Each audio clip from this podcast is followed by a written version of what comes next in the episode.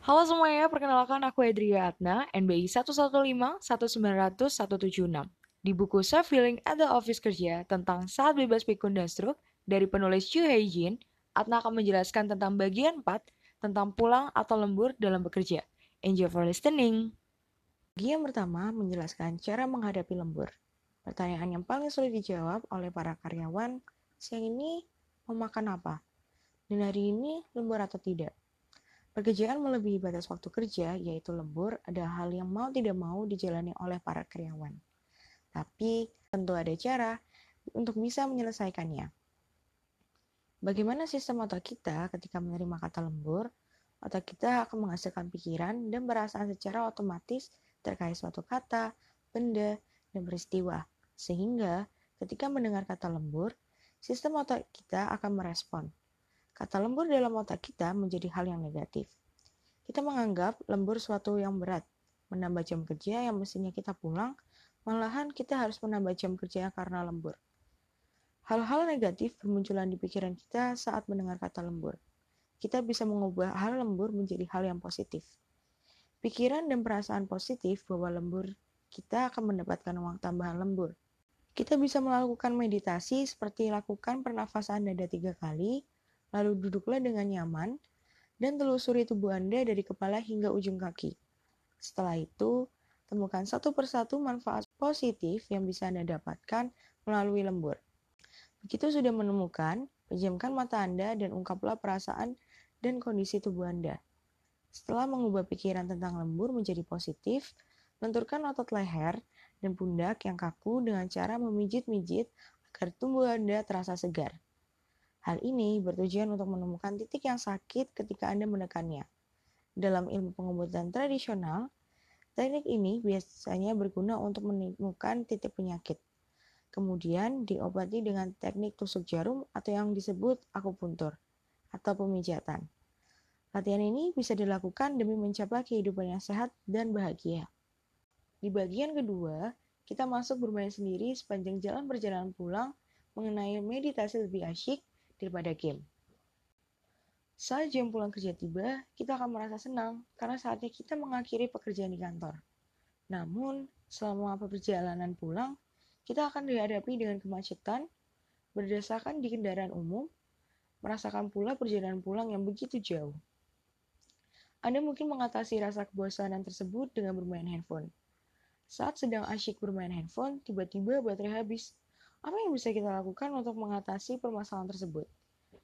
Cara yang bisa kita atasi adalah meditasi.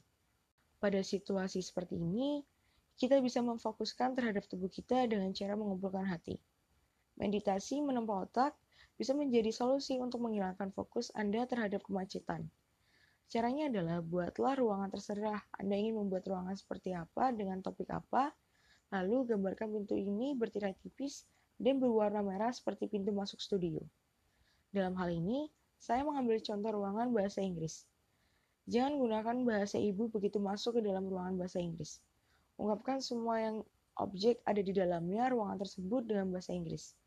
Jika sudah terbiasa, kapan pun Anda masuk ke ruangan tersebut, secara otomatis, kosakata dalam bahasa Inggris akan terlintas di pikiran Anda. Dengan begitu, sedikit demi sedikit, kemampuan bahasa Inggris yang tersimpan di otak Anda akan terus meningkat lebih cepat. Di bagian ketiga, kita akan melakukan meditasi berjalan. Pasti Anda pernah memperhatikan seseorang berjalan mondar-mandir ketika memikirkan sesuatu dengan serius. Ternyata, menurut para ahli, menggerakkan tubuh ke lingkungan baru bagus untuk menyegarkan otak daripada berdiam diri di tempat yang sama. Hal ini juga dapat meningkatkan memori jangka panjang dan memecahkan masalah lebih baik daripada yang tidak berolahraga. Untuk melakukan meditasi berjalan kaki, berjalanlah dan fokuskan penglihatan Anda pada papan iklan yang sering Anda lewati sepanjang perjalanan dari kantor ke rumah. Anda juga bisa membaca kata atau kalimat yang tertulis di situ. Perhatikan bagaimana dari papan iklan yang paling Anda sukai. Apakah warna atau bentuk tulisannya? Lalu, tentukan apa yang pertama kali terlintas di pikiran Anda. Pikiran yang terlintas bisa berbeda-beda pada setiap orang. Latihan ini dilakukan untuk mengetahui pikiran dan perasaan Anda ketika melihat papan iklan.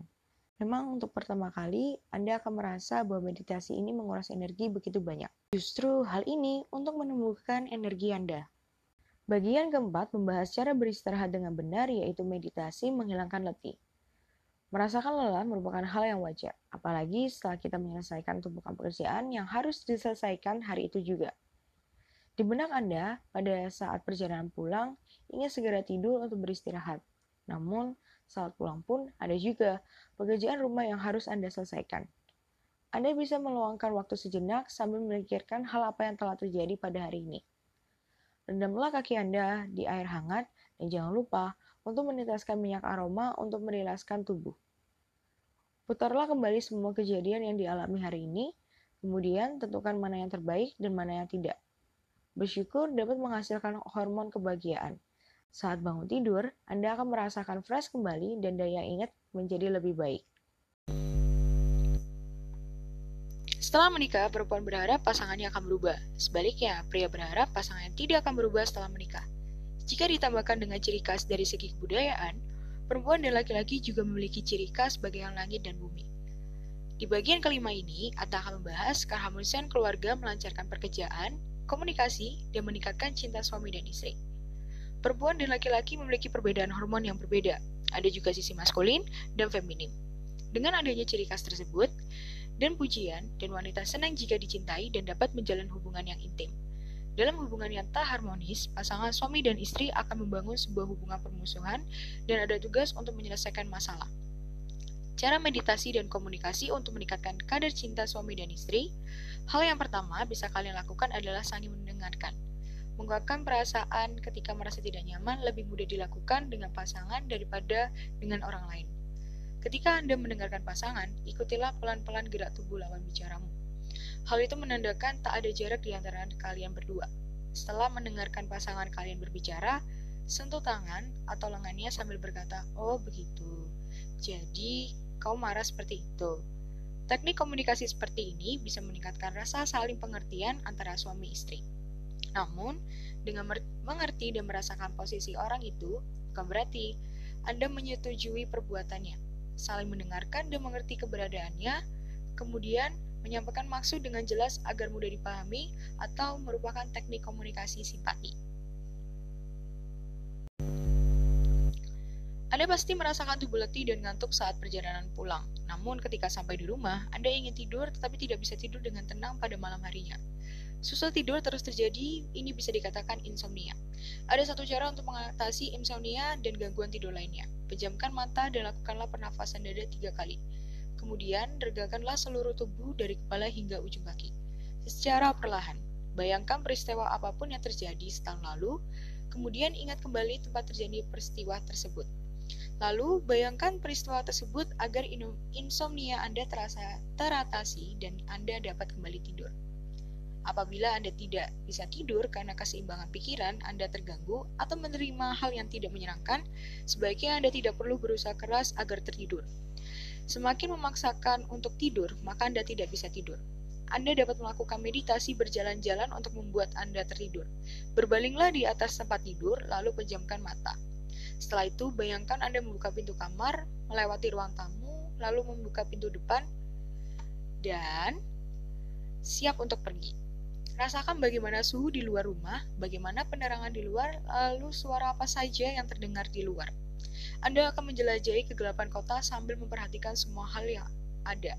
Coba belok kanan, menyeberangi samudra, dan tiba di Korea. Lebih jauh lagi, bayangkan Anda terbang ke angkasa hingga bisa melihat bentuk bumi seutuhnya. Dengan membayangkan perjalanan seperti ini, Anda akan tertidur dengan sendirinya. Meditasi sudah diakui sebagai media yang sangat bagus untuk melatih otak dan juga meningkatkan probabilitas keberhasilan pengobatan.